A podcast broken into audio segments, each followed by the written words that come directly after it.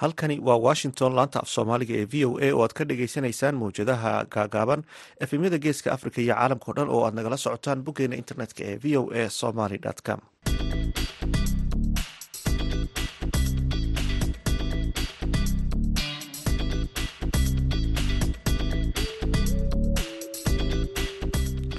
duhur wanaagsan dhegeystayaal waa maalin arbacaha bisha oktoobarna waa sanadka afrikada bari saacaddu waxay tilmaamaysaa kowdii barkii duhurnimo idaacadda duhurnimo ee barnaamijka dhallinyarada maantana waxaa idinla socodsiinaya. Anigoo ah xuseen bare aadan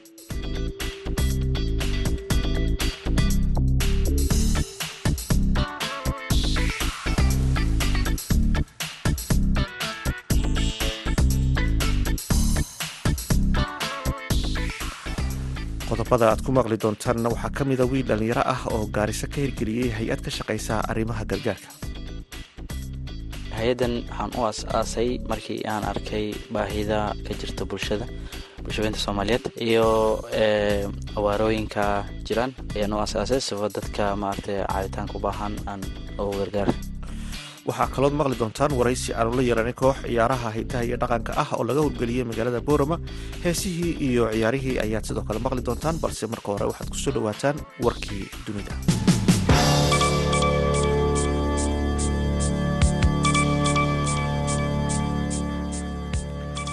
Madaxweynaha faransiiska emmanuel macron ayaa arbacadii la kulmay arbacada maanta la kulmay ra'iisul wasaaraha jarmalka olaf scholz iyadoo dhowaanahan ay jirtay xiisad siyaasadeed oo ka dhex aloosan labada dal.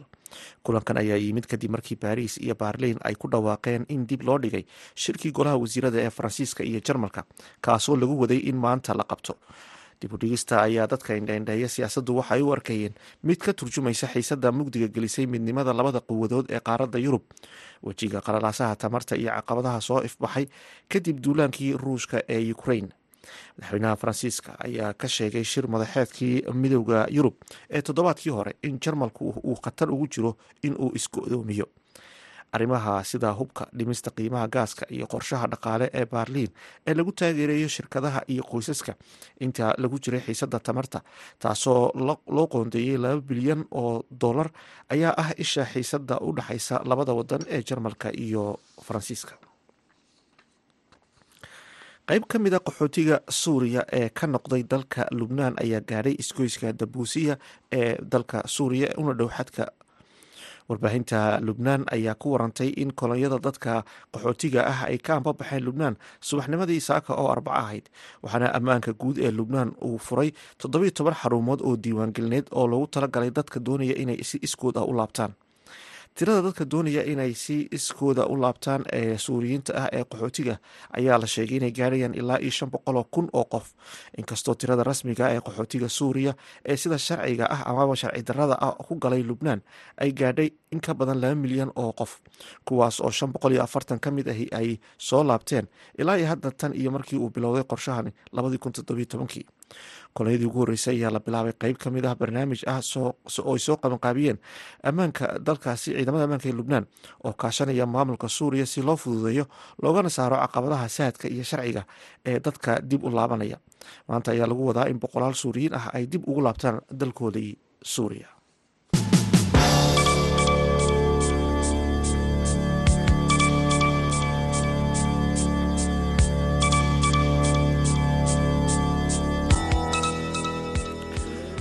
nagala socotaan waa laanta af soomaaliga ee v o a. Magaalada boorama waxaa laga hirgeliyey koox ciyaaraha hidaha iyo dhaqanka oo lagu magacaabo qaran band oo ah dhalinyaro ciyaaraha hidaha iyo dhaqanka xiiseeya kuwaasi oo laga dhisay magaalada boorama hawsha kooxdan iyo waxay bulshada u hayaan ayaa wariyaha v o eda haashim sheekh cumar qood uu kala sheekaystay. Magacaygu yuusuf jaamac aare waxaan ahay gudoomiyaha kooxda hidaha iyo dhaqanka ee qaranbaan ciyaarahan soo bandhigna dee waxa weeyaan saylicigii iyo dhaantadii iyo batarkii iyo saddexleydii intii dee dhaqan soomaaliyeed. Intaba waan soo bandhignaa. Waxaanan ka koobannahay labayo afartan qof. Wiile iyo gabdhiba leh meelahaad ku soo bandhigtaan ciyaaraha? Meelahee ka mida magaalooyinka somalilan horta waxaan deegaan u nahay magaalada boorama. Oon degannahay laakiin waan ka magaalo walba ilaa hargeysa ilaa burco ilaa laascaanood waan ka soo ciyaarnay oo waan ka ciyaarnaa. Marba sida dee qofka noo yeedhanaya iyo goobtu joogo ayaanu ugu ciyaarnaa. Laakiin waxaa u badan kolley magaaladan deegaanka u nahay boorama. Xafladaha laydinku yeedha waa kuwe ee aad ciyaarahan ku soo bandhigtaan? Horta dee xafladaha aroosyada u badan aroosyada iyo qalinjabinada iyo xafladaha sida xisbiyadoo kale iminka ururadan iminka bilaabmayoo kale. Intaba waan ka ciyaarnaa adugu maxaa idinka soo gala ciyaaraha markaad xaflad ama munaasabad ama urur ama qalinjabin aad ku soo bandhigtaan ciyaaraha. Horta waxaan nahay dee dhallinyaro iyagu maanta garaadkooga iyo daxiskooga iyo dadnimadooda isku taagay dee mana jirto qofna gacan qabta. Marka waxaa naga soo galaa aduu ilaa hadday yaraato boqoliyo konton dolar laba boqoloo dolar waxaana ururkuman ama dib u gelinaa dee ama dhallinyartu hadday u baahan tahay dhallinyartumaa qaybsan. Ma waxaad leedihiin xarun iyo xafiis iyo meel laydinkala soo xidhiidha maad leedihin haa waan leenahay xarun iyo xafiis. Intaba waan leenahay.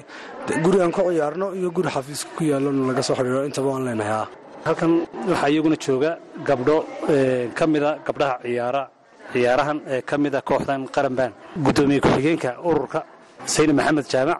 Saynab seed u aragtaa ciyaaraha kooxda qaranbaan? Asalaamu calaykum. Horta ciyaaraha qaranbaan ma odhan karo dee maaha ciyaaro bilaa macniya balse waxa weeyaan dee waxay bulshadu u baahan tahay inaan anaguna dee dhinac ka qabanno. Siduu gudoomiyahaygu soo sheegay waxaan nahay dad isku taagay saan u arka calashaan waxay ka micno tahay inaan dee maxaa rahday maanta bulshaday dadka aan la dhaqanay dadka soomaaliyeed aan dee waxay u baahan yihiin aan dhinac ka qabanayno. Si xafladahooga munaasibadahooga aan dee ugu farxad gelinno. Waxaana kolley waa madadaalo. Dee iskeenno dee kolley wax saa u faa'iido leh kama helno. Laakiin haddana waxaan u taaganno un heelanahay inaan dadka bulshada aan dee madadaalino. Soo farxad gelino ma isku aragtaan inaad soo noolaynaysaan hiddihii iyo dhaqankii ay soomaalidu lahayd iyo ciyaare dhaqameed. Cabdikariin jamaacime waawan isku aragnaa inaan soo noolayno hidiya dhaqankii. Waxaan nahay arday ka tirsan kooxda qaranbaan awal asalaamu calaykum waraxmatullahi wabarakaatu aad baad u mahadsan tahay magacaagana hodan xasan maxamed. Dee aad baan ugu faraxsanahay kooxeeda qaranbaan aad iyo aadna waxaan u dadaalna saan u madaadaalinayn baan ugu anigu dadaalinahay saan bulshadeeda aan u mahadnaqno marka dhaqankii waan kor u qaadanaa haa waan isku aragnaa inaan dib u soo noolaynayno. Waayo dee maanta waxaan ururka somalilan oo dhan ugu weyn. Toban sanaan jirnaa. Sanad guuradii tobanaad ba hadda nagu soo foodleh dee tobankaa sanaba waxaan u heelannahoo dee aan annagoo dhallinyaro aanu gacmaha isku haysanayno dee dhaqankii soomaaliyeed aan dib u soo waayo haddii meel aan imika tagno oo dhaqankiinu muxuu yahay laydha haddaan gara weyno waa ayaan daro saa awgeed waxaa intaasoo sanno aan dee heelan u nahay ama aan heegan u nahay. Inaa dee aan dhaqankaygii aan halkaa ka sii haynay waxaan jeclaan lahayn in nalagu garab istaago bismillaahi raxmaan raxiim magacayga min cabdikariin yaasiin ahna afyeenka kooxda idaha iyo dhaqanka ee qaranbaan. Haddaan nahay anagu qaranbaan waxaan mar walbaba aan u heelannahay oon u baraarugsannahay si aan hidihiiyo dhaqankii aan hiddaha u lahayn dhaqankaan u lahayn kor aan u qaadi lahayn taasoo naga caawiyo macalinkayga sharafta leh qiimaha leh xamsiisu jaamac caare oo dee abaal weyn aan u hayno maanta xeerkaana gaadhsiiyey inaan hiddahayagii iyo dhaqankaan hiddaha u lahayn aan kor u qaadno. Waxaan mar walbabana dee aan u u soo jeednaa oon u ciyaaraynaa yoon u soconnaa si dee dadka magaalada nagula nool hadday xaflad noqoto hadday madal noqoto hadday noqoto madaxta soo dhoweyn hadday noqoto aroosyo nagula dalbanayaa waa saan dadka u maaweelin lahayn u farxad gelin lahayn wax qanciya oo dee ku qancaan aan meesha u ka heli lahayn. Ayna ogaadaan oon ogeysiino inuu hiddahiiyo dhaqankii aan hiddaha u lahayni uu weli nool yahay uuna weli u dhicin. Kuwaas waxay ahaayeen kooxda dhallinyarada ciyaaraha ee qaranbaan oo ku waraysanay barnaamijka dhallinyarada maanta ee laanta afka soomaaliga ee v o e haashim sheekh cumar good v o e boorama markana dhegeystayaal aynu ku wada nasanno mid ka mid ah heesaha aan idinku talagalnay. Qudhuwe hatowalbahar qof kale la widooday wadna caashaaqo wacad ruux la galay walwalkala kulmo. Walwalkala kulmo. Lagu wiirsado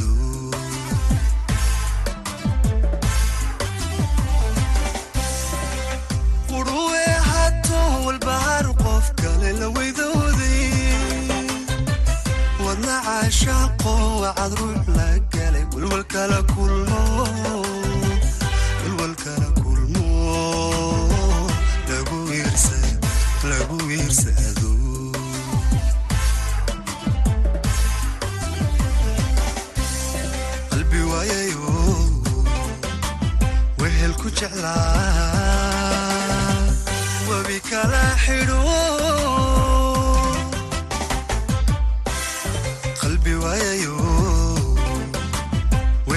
jeclaa.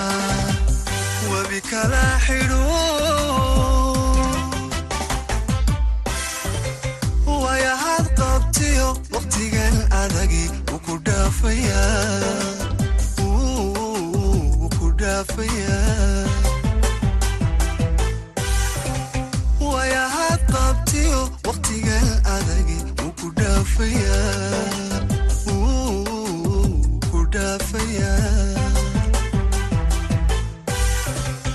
wasanoo beriyo maalmihii wacnaa way soo sodaan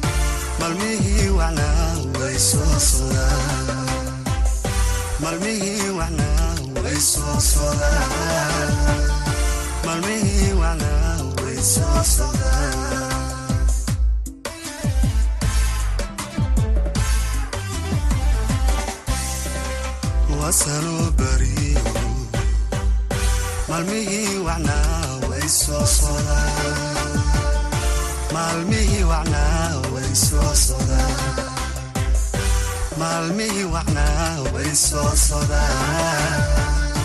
maalmihii wacnaa way soo sodaan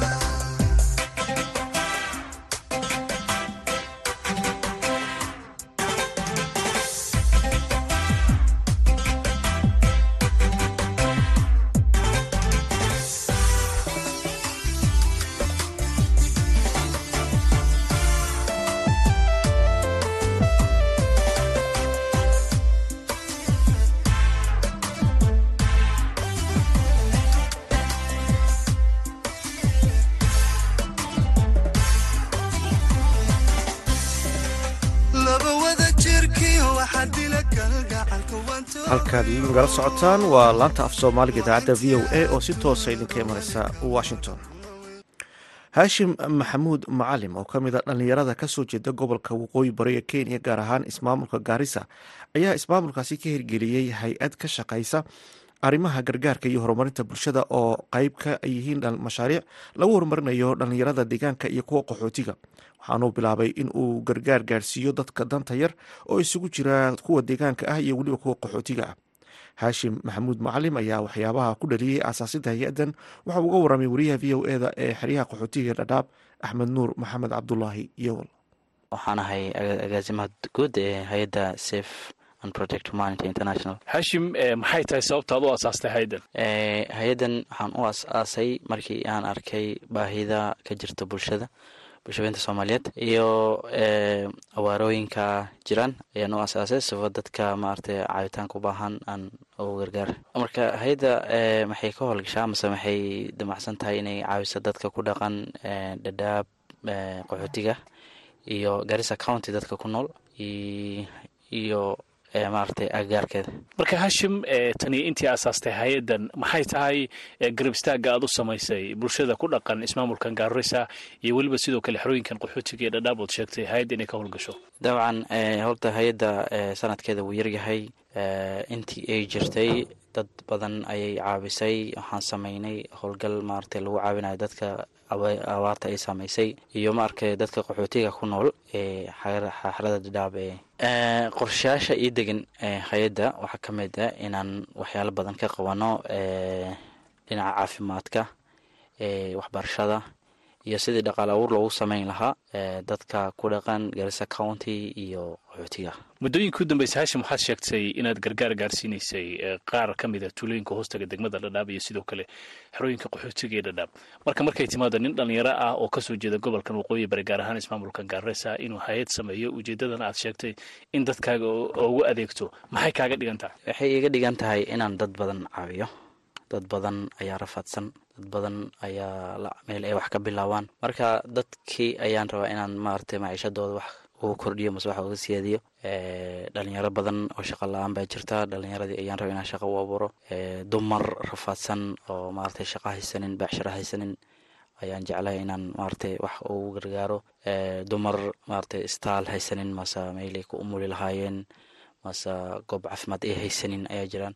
Marka markan fiiriyey dhibka ka jiro tuulooyinka iyo maaragtay magaalooyinka ka mid ah kuwa ku yaalaan gaarisa county mase qaxootiga aan arkay arrimaha ka jiran ayaan damcay inaan baashan hagaajiyo.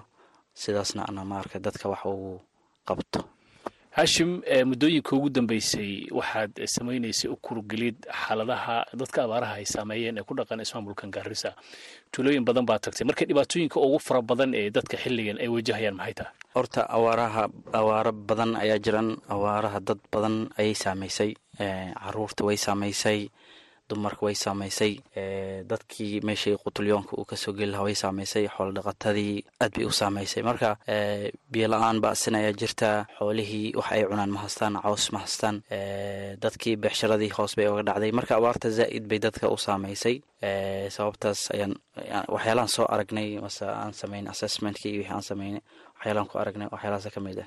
Dhowaan waxaa tagtay gobolka jubbada hoose ee soomaaliya si markaasi adoo u kurgasho xaaladda dhanka abaaraha ee saameynta ay ku yeelatay. Gobolkaasi maadaama ismaamulkan gaarisa uu xuduud la leeyahay gobolka jubbada hoose ee soomaaliya. Marka markaad fiiriso dhibaatooyinka ay wajahayaan dadka ku dhaqan ismaamulkan gaarisa ee dhanka abaaraha iyo kuwa dhankaasi ku dhaqan maxay tahay farqiga u dhexeeya mayse wada saamaysay abaarta xilligan ka jirta guud ahaan geeska africa dabcan way saamaysay waxaa jirta horta dadkay ku dhaqan waqooyi bari mase gaarisa county. Waqtiga abaarta waxay u guuraan dhinaca soomaaliya. Haddana meel ay u baxsadaan ma laha. Soomaali way saamaysay abaartii kenya way saamaysay. Marka xoolihii inta laga raray qaar xadgay ku dhammaanayaan dadkii oo waxay la tageen haysanin ayaa soo laabanaya ayaka waxba haysanin marka labada qeyb soomaali iyo kenya abaarta zaa'id ayay u saamaysay dad badan ayaa ka soo qaxaya soomaalida iyo jubbada hoose oo u soo socdaan wadanka kenya mase xeryaha qaxootiga ee dhadhaab. Dadkaasi aad sheegtay in xeryaha qaxootiga ee dhadhaab ay ku soo qulqulayaan amaba ay doonayaan inay imaadaan. Waxaad booqatay shalay mid ka mida goobaha inta badan ay soo degeen. Dadka ka soo barakacay abaaraha ka jira soomaaliya si markaasi ood u kurgasho xaaladda dadkan ay wajahayaan. Maxay tahay dhibaatooyinka ugu badan eed aragtay ee dadkan ay wajahayaan? Dabcan dadkan horta abaar ayay ka soo carareen meeshay ka imaadeen dhib ayaa ka jira. Xoolay xoolihii way ka dhammaadeen horta socod dheer ayay soo galeen. Marka socodkii wadadii ay soo mareen dad wax badan bay la soo kulmeen wadadii dheereed. Tuug mase burcadda ayaa dhexda ku heshay. Markay imaadeena meeshan wax yaalla ma jirto. Gogol ma hastaan guryeed ma hastaan biyo ma hastaan caafimaad ma haystaan. Marka waa dadkii oo iska tataagan waxay guri ahaan ugu jiraan waa maaragta wax ka go-an meelay seexdaan ma haystaan? Caruurtii waxbarasho ma haystaan? Waa iska joogaan. Marka waxyaalo badan dhib badan ayay dadkan ay wajahaan hashim nin dhallinyaraa tahay oo ku dhashay gobolkan waqooyi bari gaar ahaan ismaamulkan gaarisa dhalinyaro fara badan oo kuwa deegaanka iyo sidoo kale kuwa qaxootiga ayaa xilligan wajahaya shaqala-aan ba'an iyadoo maalmihii ugu dambeysay aad dhalinyaradan aad arkaysay. Marka maxay tahay qorshaha kaaga qorshaysan in dhalinyarada deegaanka iyo kuwa qaxootiga aad markaas isdhexgal u samayso sidoo kaleetana aad shaqo abuur u samayso? Dabcan barnaamijyada hay'adda ay soo wada ayaa ka mid ah inay dadkii dumarka iyo dhalinyaradaba ay u samaysa shaqo abuur. Haddii lacag ay ku shaqaysanayen la siin iyo haddii xirfad ay ku shaqaystaan ayaka la siinba marka barnaamijyada way soo socdaan mar dhowna inaan bilowna ayaan rajaynaynaa hadduu ilaahay raalli ka noqdo. Waxaad sheegtay in qorshahay kuugu jirto inaad shaqo abuur aad u samaysa dhalinyarada sidoo kaleetana xirfada ay ku shaqaystaan. Inta badan waxaa lagu tiriyaa dhalinyarada ku nool gobolkan waqooyi bari gaar ahaan ismaamulkan gaarisa inaysan ka faa'iidaysanin fursadaha dhanka waxbarashada ee farsamada gacanta. Inta badanna dadku waxay ku doodaan in dhalinyarada ka soo jeeda gobollada kale dalkan kenya ay ka faa'iidaystaan fursadahan kuwa ka soo jeeda ismaamulkan gaarisa ama waqooyi barina aysan ka faa'iidaysanin marka ma jirta wacyigelin aad u samaynayso dhalinyaradan si markaasi ay u bartaan islamarkaana ay uga faa'iidaystaan xarumaha dhanka waxbarashada farsamada gacanta. Dabcan horta waxaa jira wax la dhahayo qofka inaad siiso xirfad uu ku shaqaysto iyo inaad siiso lacagti ha u fiican in la siiyo xirfadii ugu shaqaysto maadaama ay tahay wax maarata waqti walba uu haysanaa marka tababar badan ayaan samayneynaa wacyigelin badan ayaan samayneynaa kaasi waxa uu ahaa haashim maxamuud macalim oo u waramayay wariyaha v o eda axmed nuur maxamed cabdullah iyagoo halkaad kala socotaan. Waa laanta af soomaaliga v o a markaana ku soo dhawaada xubinta ciyaaraha waa kuwan maxamuud mascade iyo nuur bukhaari oo nala socodsiiya.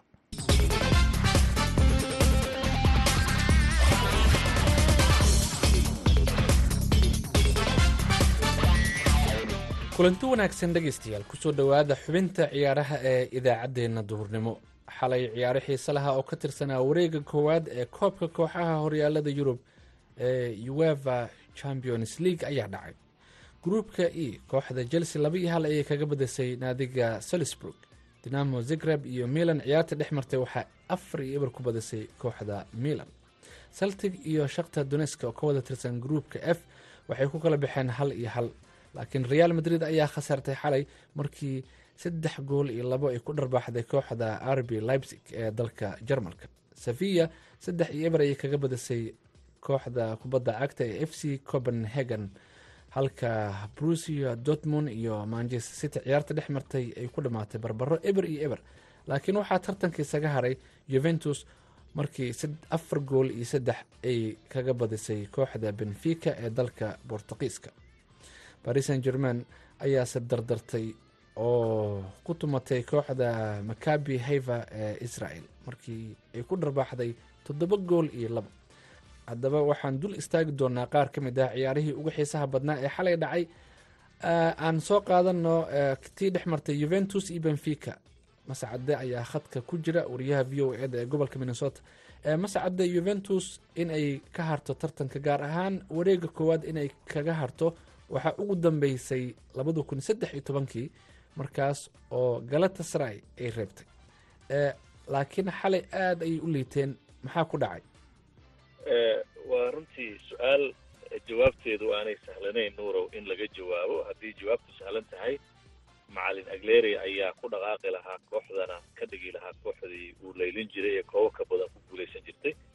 Laakiin sida muuqata kooxda dhinaca daafaca oo ay birka ahayd oo ka dhisnaan jirtay ayay raggii u ciyaari jiray clinic ka tegey bunuuji hoos u dhac fara badan ayaa ku yimid.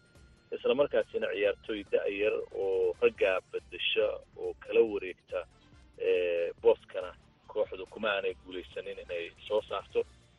Sidoo kale ciyaaryahan kieza oo ka mid a xidigaha ay kooxda ku dhaaranaysa ayaa dhaawac kaga maqan full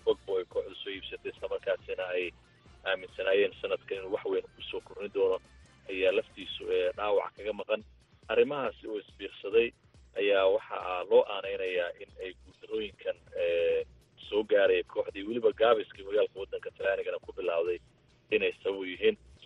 Waayahay kooxda kale ee dariska la ah ay isku wadanka yihiin milan wacdaro ayay xeer xalay dhigtay waxaana ay dad badan soo xasuusisay waayihii milantii hore ee la yaqaana ee yurub afar iyo eber ayay ku badiyeen. Marka rajadoodu waa sidee kulanka ugu dambeeya?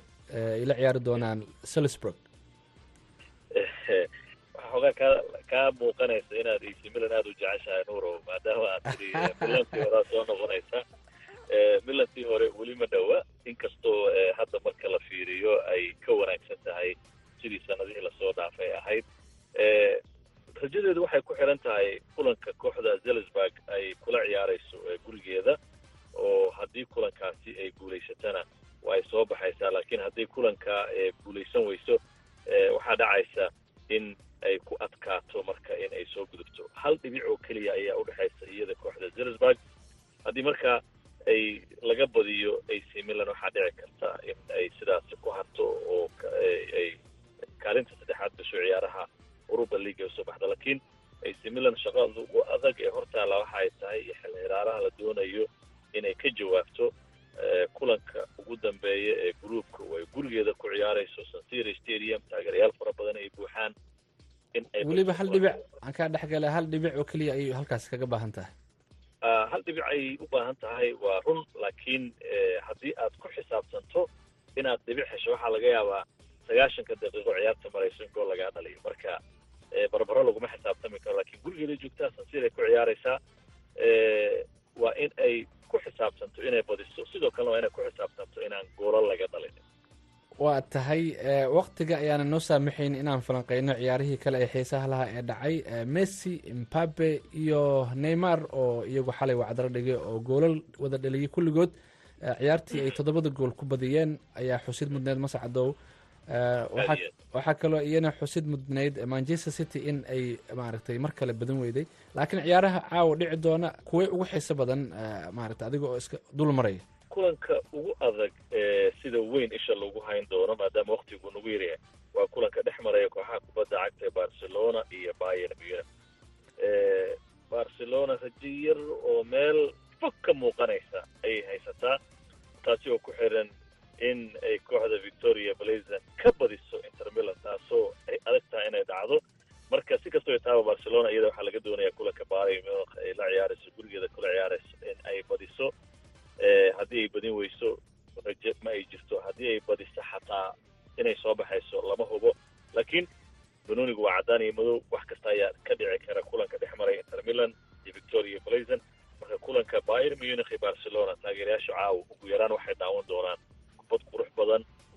mahadsan tahay dhegaystayaal xubinta ciyaaraha waa naga intaa oo anigoo ah nuur iyo maxamuud mascade oo idin leh sidaa iyo nabadgelyo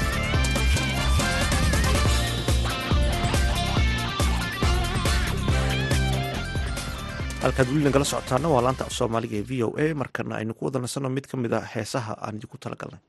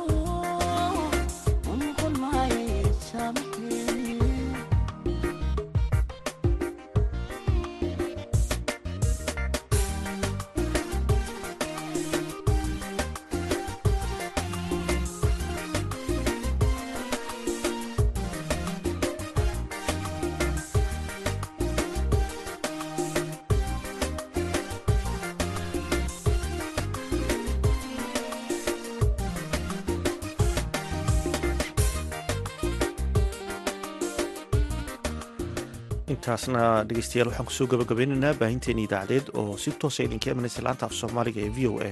Tan iyo kulanti dambe waa dhammaan bahda laanta af soomaaliga v o a washington oo idinle sidaas iyo nabadgelyo